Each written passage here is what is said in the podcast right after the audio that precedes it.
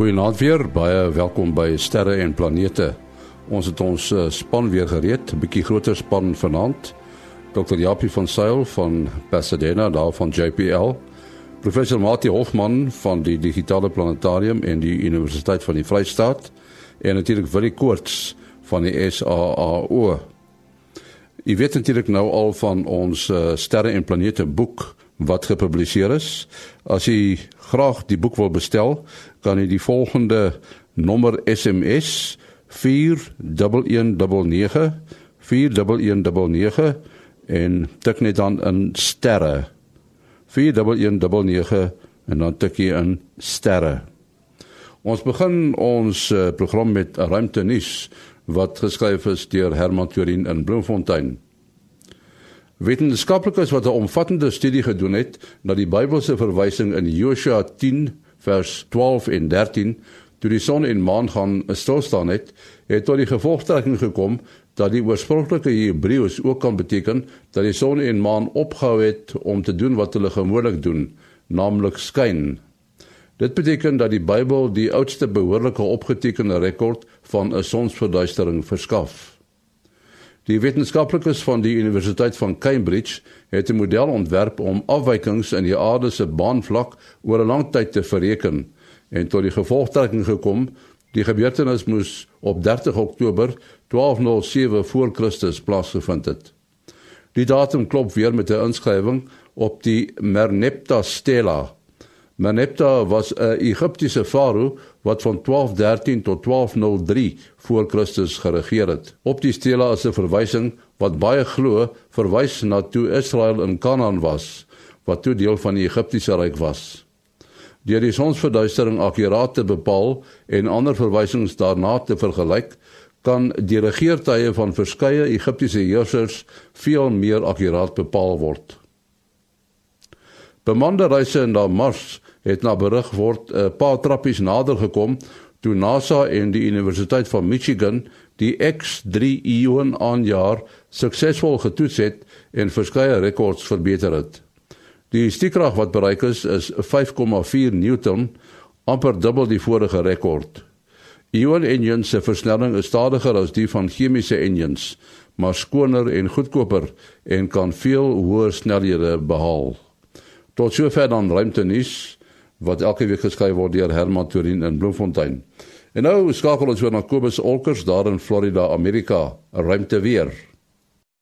Ja, hier sit ons nou met 'n redelike stil son voor ons.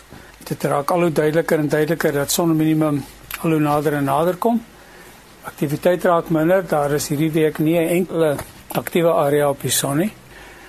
Dan wat uh, eh, koronagate aanbetref, die is natuurlik 'n ding wat ons nooit van ontslaa raak nie. Om die waarheid te sê, hulle raak al hoe sterker soos wat die son aktiwiteit afgaan.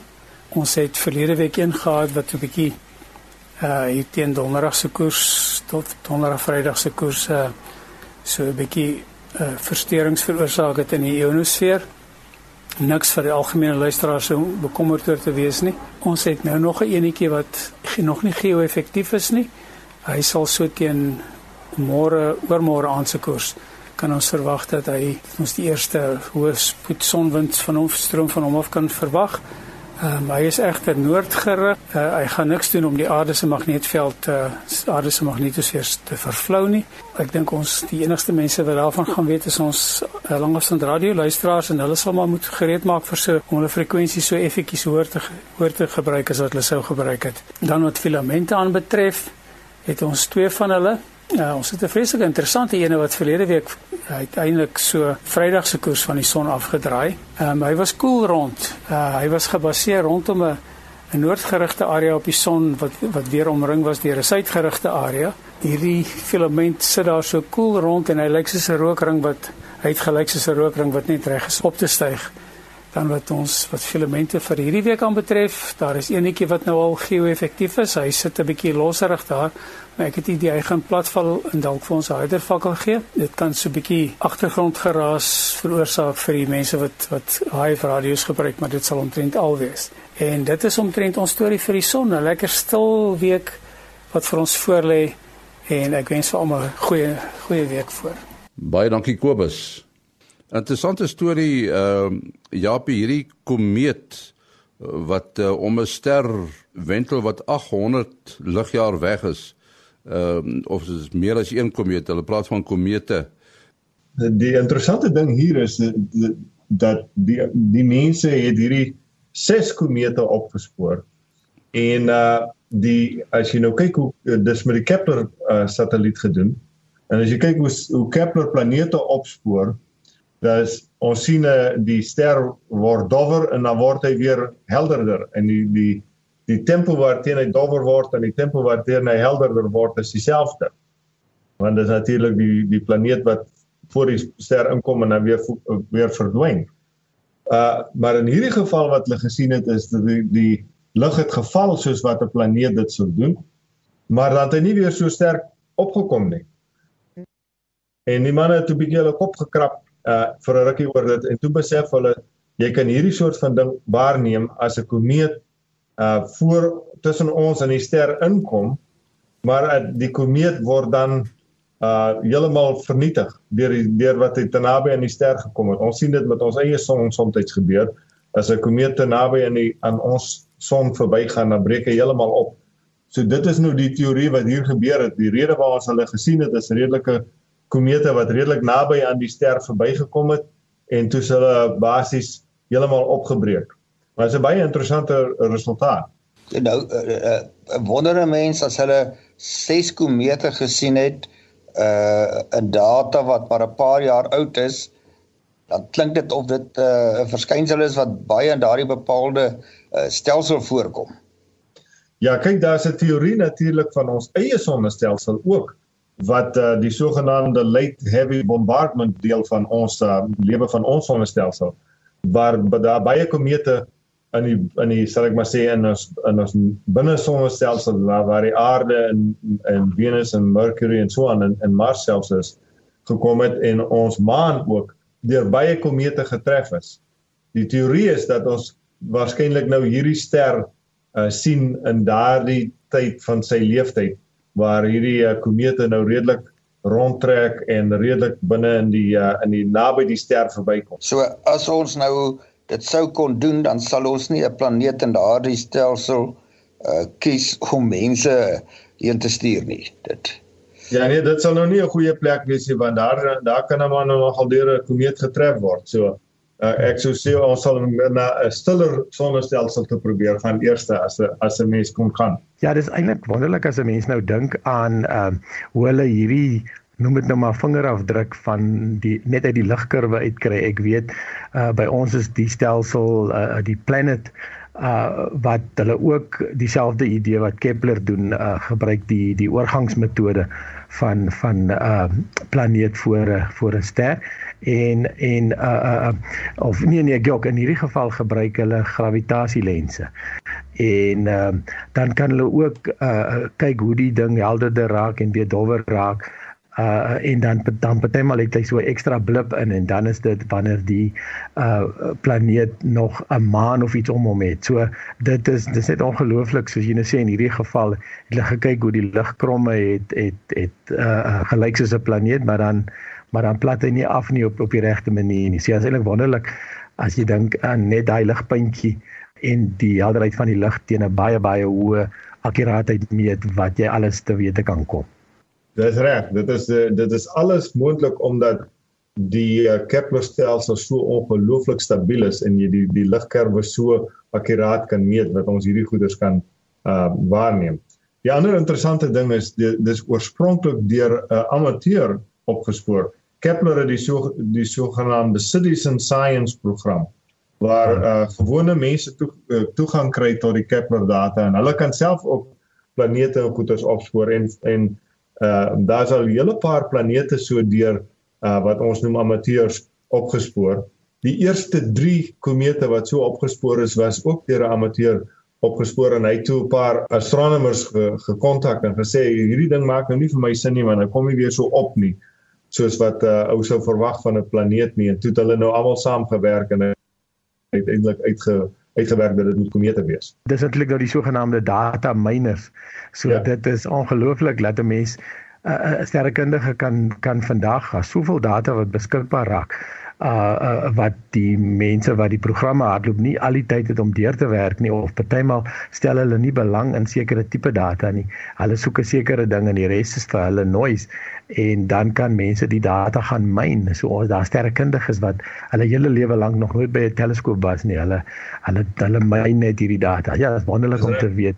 As uh, dit dan nou spesifiek die doel was om met uit die Kepler data vir daardie soort uh verskynsels te soek waar 'n uh, planeet of 'n voorwerp dan 'n uh, lig afname van die ster veroorsaak. Uh hoe kan dit wees dat 'n uh, amateursterrekundige dan nou iets ontdek terwyl NASA met al sy middele daarin gemis het? Uh, dis 'n dis 'n baie interessante vraag. Die Kepler data word soort van outomaties deur deur sagte ware ontleed. En uh as jy nou dink daaroor 'n planeet ver, verwag jy hy sal om die ster wentel en jy sal periodies sal jy sien hoe die ster dowwer en helderder word, dowwer en helderder word. Wat hierdie ou voorgesoek het was gevalle waar die ster net eenmal dowwer geword het en nie periodies herhaal is nie. Want dit sê dan iets het net by hom verbygetrek. Nou as dit ehm um, sê nou maar ehm um, 'n uh, interster planeet, die sogenaamde rogue planets wat daar rondtrek trek in die son in in die in die heelal. Hulle trek partymal verby 'n ster en dan hou hulle net aan vlieg. Nou in daai geval sou jy 'n uh, ligkurwe gesien het wat afgaan en weer opkom net soos 'n planeet, maar hy sou ook net eenmal gebeur het. So die ou het eintlik vir hierdie goed gesoek en maar te sien hierdie snaakse ligkurwe en as jy mooi daaroor dink nou wat hy nou gesien het is hierdie uh, komeet hy het nou maar net nie in die Kepler se leeftyd meer as eenmal om daai ster gegaan nie en ons het nou maar net sy einde waargeneem toe hy nou naby die ster naby genoeg aan die ster gekom het uh, sodat hy vernietig is. So dis interessant die outomatiese uh, sagte ware wat vir 'n periodiese verskynsel soek sou hierdie goed nooit op opgespoor het nie. Ja.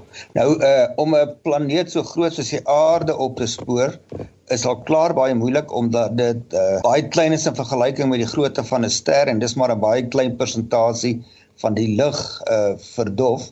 Nou hoe is dit dan nou moontlik om 'n komeet wat baie baie kleiner as die aarde is, tipies is dit seker nou maar op 'n paar honderd meter, 'n paar kilometer, is moontlik om dit op 'n afstand van 800 ligjare te kan te kan sien ehm um, die oorgangsmetode. Dit maak nie saak hoe ver die ster van ons af is nie.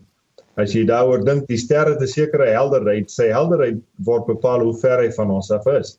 Maar dan kyk ons net vir relatiewe veranderinge in die helderheid van daai ster. So uh, wat Kepler doen is ons het die stelsel so gebou en en nou dat hy in die ruimte is, is hy baie meer stabiel as wat ons ooit gedink het hy sou wees. Hierdie uh, komete het byvoorbeeld as ek reg onthou 1/10de van 1% is wat die ehm um, die ligkurwe verander het. Maar Kepler se se se reis op sy op sy ligkurwe is klein genoeg dat jy dit wel kan sien dat daar so 'n verandering is. En soos soos Willie vroeër gesê het, dit is alles moontlik gemaak deur die feit dat hierdie stelsel so stabiel is en so lae reisvlak het dat mense dit wel kan meet. Jy praat so van 'n stabiele stelsel uh Japie uh, is een van die momentum wiele van van Kepler nie ook daarmee hier nie. Uh ja, my waarheid te sê die die Kepler se um, uh teen die einde van sy sy sending sal ek maar sê het hy 'n tweede fase gehad dit was so sogenaamde K2 Kepler 2 um uh, stelsel en uh, hy kon toe nou nie meer so stabiel um uh die die teleskoop mik op 'n spesifieke area nie. So wat ons gedoen het is ons het baie stadig deur die area sal ek maar sê ges, geskuif met ons veld met met die met die teleskoop. En uh dan kon jy nog steeds hierdie goed waarneem ter, as dit gedurende die tyd wat ons verby ges, ges, ges, sal ek maar sê verby gesweef het met met die veld dit kon gesien het. Uh, maar dit was baie minder akkuraat as wat die eerste gedeelte van die sending was. Ja, daardie akkuraatheid wat uh, Japie dan nou van gepraat het, uh, uh, dit is nou nie eers Kepler nie, dit is 'n uh, aardgebonde stelsel wat ons daar op Sutherland het, uh, wat dieselfde, ons het twee stelsels daar, SuperWASP en uh, KELT a kilo degree is extremely little telescope waarvoor geld staan. Um en en die een ou het dit eendag so mooi verduidelik. Hy sê as jy nou 'n hele stad het daar moet uh, sê Manhattan is lang wolkekrabbers en geboue wat daar staan en en en jy gaan staan baie ver weg en jy neem al hierdie lig gelyktydig waar en jy meet dit en iemand in een van die vertrekke as jy natuurlik 'n vertrek se lig afsit dan gaan jy mos nou dit dit sien maar hierdie is nog minder as dit dit is net as iemand 'n kantgordyn toetrek en dan kan jy daai verskil in lig van al daai hele van daai hele stad se liggies altesaam. So dit dit is dit laat 'n mens eintlik besef hoe akkuraat word hierdie is hierdie metings nodig om om hierdie klas van goed te meet. Ja nou eh, wil jy mens wat al by 'n teleskoop gewerk het waar ons nou deur die aarde se atmosfeer kyk, uh weet dat die lig so bietjie varieer. Jy sien dit bloot met visuele waarneming dis asof die ster so baie bietjie rond dans. Weet hoe is dit enigstens moontlik om so 'n klein wisseling waar te neem terwyl die atmosfeer uh, al klaar wisselinge in die waargenome helderheid uh, teweegbring. Ja, dis 'n baie goeie vraag want dit uh, selfs hierdie kamera wat ek nou van praat is uh dis net 'n 'n wetenskapkamera met 'n gewone jongs 50 mm lens of iets op. So dit is 'n 25 by 25 grade veld. Nou jy weet daar 'n hele galaxy kan binne in 'n pixel verdwyn. So uh so nie eers die eerste ster nie, maar toe hulle dit so verduidelik en dit is baie met statistiek te doen en die sogenaamde cadence. Hulle hulle neem daai velde oor en oor en oor en oor en dan en dan statisties lyk like my eh, kom hierdie goeters uit. So dit is nie uh dit, jy doen dit uh, definitief met 'n enkel waarneming nie. So en ek dink dit is ook hoekom Kepler ja, miskien vir ons kan sê ook die uh, Kepler was mos so aanvanklik sê gesê net op een veld gemik geweest en toe het hulle nou later aan stadig begin scan, maar selfs in daai scan um het jy genoeg uh herhaling sodat jy die tendense kan sien en natuurlik vir 'n planeet wat 'n jaar vat of 2 jaar vat of 3 jaar vat om om 'n ster te beweeg, um moet jy dit na 3 jaar gaan jy hom eers weer vang. So uh dis 'n klomp inligting wat wat daar saamgegooi word in 'n vreeslike smeltpot en en om hierdie inligting uit te kry. Mense maar bedink amper dit is moontlik nie, maar uh die, dit word opgevolg dan met ander stelsels. So dit dit is dit is nie laat laat hulle, hulle verbeel nie. Dit dit vat 'n hele klompie ure, soms uh, amper 'n dag vir sommige van hierdie planete om voor hulle ster verby te trek. So 'n mens kan vir 'n lang tyd daar sit en die sein integreer en uh, en dan 'n meer akkurate meting kry van die die die, die ligkurwe se waarde wanneer die planeet voor die ster is en natuurlik wanneer hy nie voor die ster is nie. So dis hoe mense hierdie uh, hierdie uh, opnames so ongelooflik akkuraat kan maak. Wat sou die rol wees van uh, sogenaamde adaptive optics uh, in die geval? So ons het gebruik adaptive optics uh, uh word meestal vir vir waarnemings deur die atmosfeer gebruik. En uh dit natuurlik probeer om daardie flikkerings wat Mati van gepraat het uit te haal So jy meet maar wat wat die tur turbulensie in die atmosfeer is en dan verander jy die spieëls om dit te te kan uh, uh sal te teer werk. So ek maar wil die hele manne het seker meer uh ondervinding met dit as wat ek het. Ja, die een van ons teleskope in Sutherland het nogal ons het active optics, so dis aktiewe optika salt het ehm um, se spieëls kan elkeen kan kan beheer word baie baie akkuraat en en nou dis die eerste stelsel waar elke spieël het sensors na na al sy bure toe en soos wat hierdie hele uh stelsel uitsit en inkrimp waar op die spieëls lê uh sal dit kan hulle vir hulle self korrigeer in 'n in 'n net in 'n wiskundige model. So maar dit is nog steeds net aktiewe optika. Ja, so ons het geen geen uh, adaptive optika of of uh, maar ek gebruik altyd so 'n mooi woord uh wat is jou woord? Aanpassing. Ja, ja. En uh so nie een van ons teleskope gebruik dit nie. En uh met die boek se skryf het ek nou ook 'n bietjie daaroor opgelees en uh interessant genoeg uh, uh hierdie laser, mense sien dit baie met die Keck teleskope. sien jy hierdie lasers wat so uitskiet uitskiet hier langs hulle. En uh en dit is 'n baie spesifieke frekwensie wat hulle gebruik en dit het interaksie met uh sterretjies baie ver of met die atmosfeer baie hoog op. Uh klink mens paar honderd, uh, nee nie paar honderd nie, ek kan nou nie die getal onthou nie. 80 km verbeel ek my maggie saakie. En uh en dan vorm jy 'n 'n kunsmatige ster op op daai afstand. En hulle het gevind uh dat om genoeg sterre te hê naby enige gegeewe teiken waarna jy wil mik, uh is maar iets soos in 1% gevalle waar daar so 'n sterretjie beskikbaar is. So met hierdie laser is dit nou wonderlik want hulle kan in enige enigiets mik skakel die laser aan. Uh, Natuurlik dis buite die veld waar die teleskoop dan werk en uh, en maar dit is nog steeds deur min of meer dieselfde hoeveelheid atmosfeer wat jy werk. En uh, en dan kan hulle Hubble tipe beelde kry op aarde met reëlmaat deesdae. So dit is net ongelooflik hoe dit ontwikkel het. Dit klink my die komete is interessante goeters. Daar was mos nou 'n komeet wat uh, sogenaamd van buite ons sonnestelsel kom, Japie. Dink sy sy naam is 2017 UI. Die teorie is dat hierdie voorwerp van buite ons uh uh sonnestelsel gekom het. Uh die groot vraag is natuurlik uh, natuurlik hoe kan uh so iets deur deur die ruimte trek en uh jy weet uh waar waar kom hy vandaan en so voort. Uh die die rede waaroor mense dink hy kom nie van ons sonnestelsel af nie is die uh die waarneming sê dat sy sy spektroskopiese geaardheid is anders as as die komete wat in ons sonnestelsel gevorm het maar daar's ook 'n teorie wat sê moontlik is hy uh verander met die tyd uh en uh so dit dis nog 'n bietjie van 'n 'n interessante veld. Daardie selfde soort van argument uh is natuurlik uh word ook ge, nog groot stryery sal ek maar sê aan die gang oor waar al die asteroïdes vanaf kom. Want uh as jy mooi kyk, baie van die die die voorwerpe wat in die asteroïde gordel voorkom, uh het uh, is is spektroskopies anders as wat uh, die hulle sal sal maar sê hulle bure is. Een van die van die beste voorbeelde is die die dwergplaneet Ceres. Ceres het op sy oppervlakte uh klei wat ammoniak bevat. Nou as ammoniak in in sy normale vorm in daardie afstand van die son af wees, dan sal hy onmiddellik verdamp. Hy sal nie op die oppervlakte uh, in minerale neergelê word nie. So die teorie is dat uh Ceres moes gevorm het buitekant die baan van Neptunus en toe op een of ander manier het hy geïmmigreer sal ek maar sê hmm. tot waar hy is vandag in die in die hoofvormel.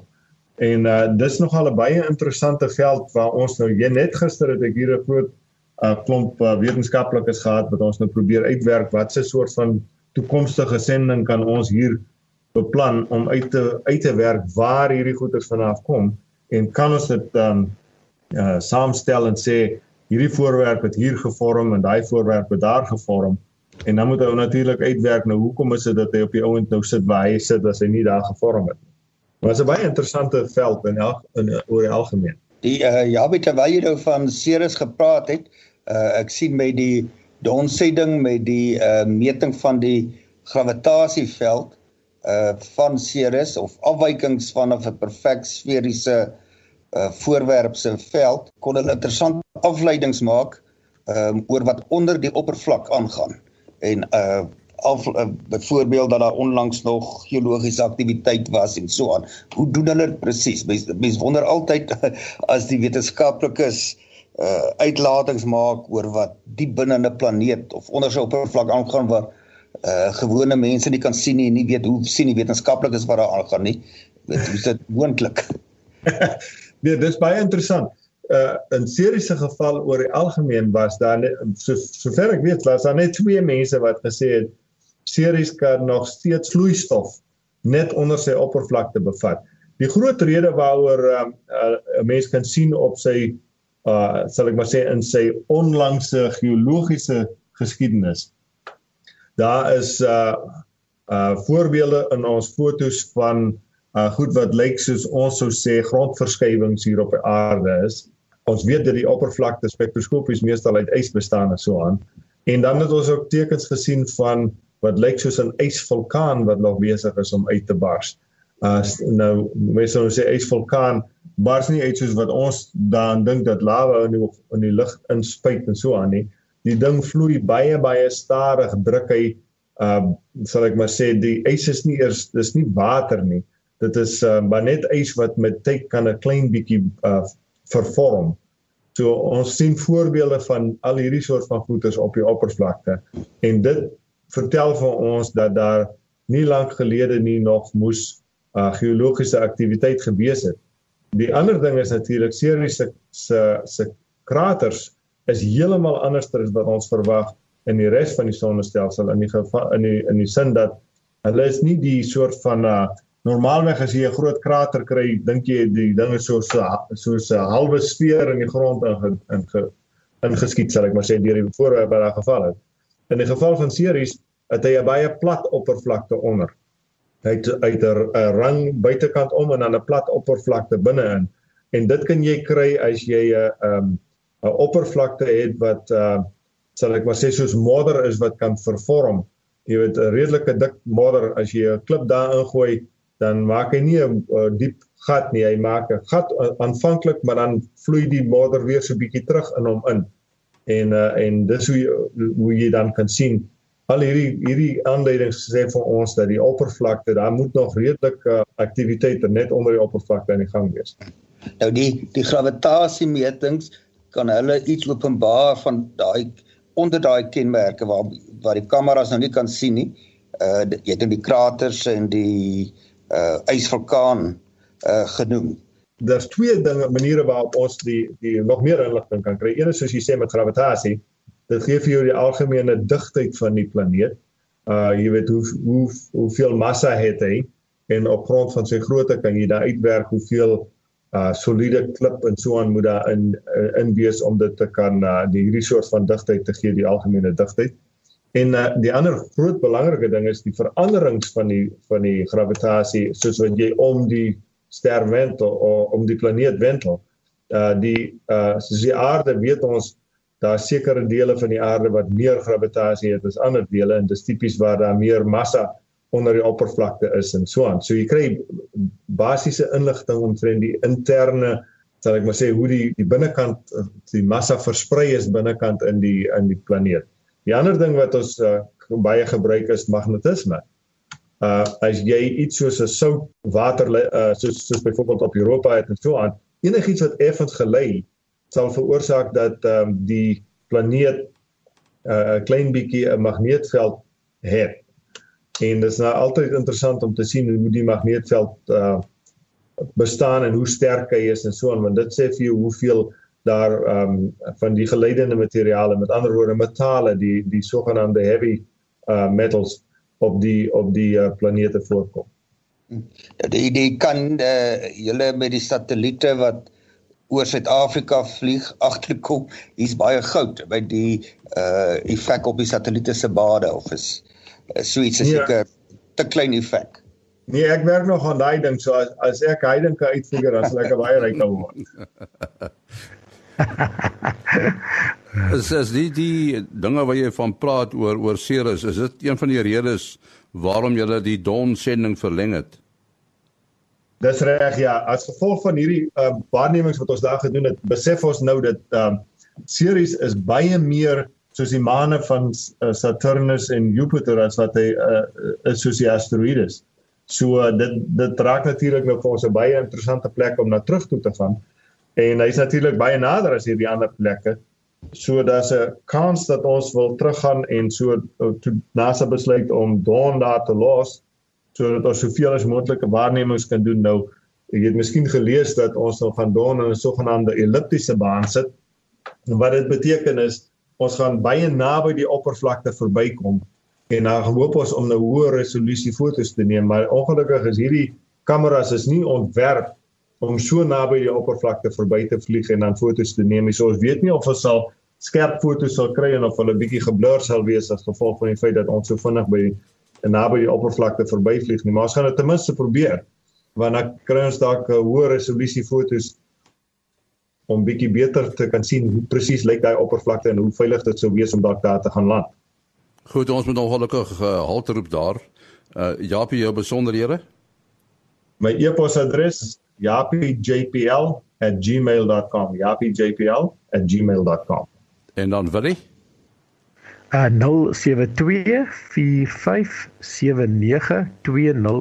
0724579208 Ja en dan Mati 0836257154 0836257154 En my e-posadres is gewoonlik maas.henny@gmail.com. maas.henny@gmail.com. Tot volgende week. Alles van die beste.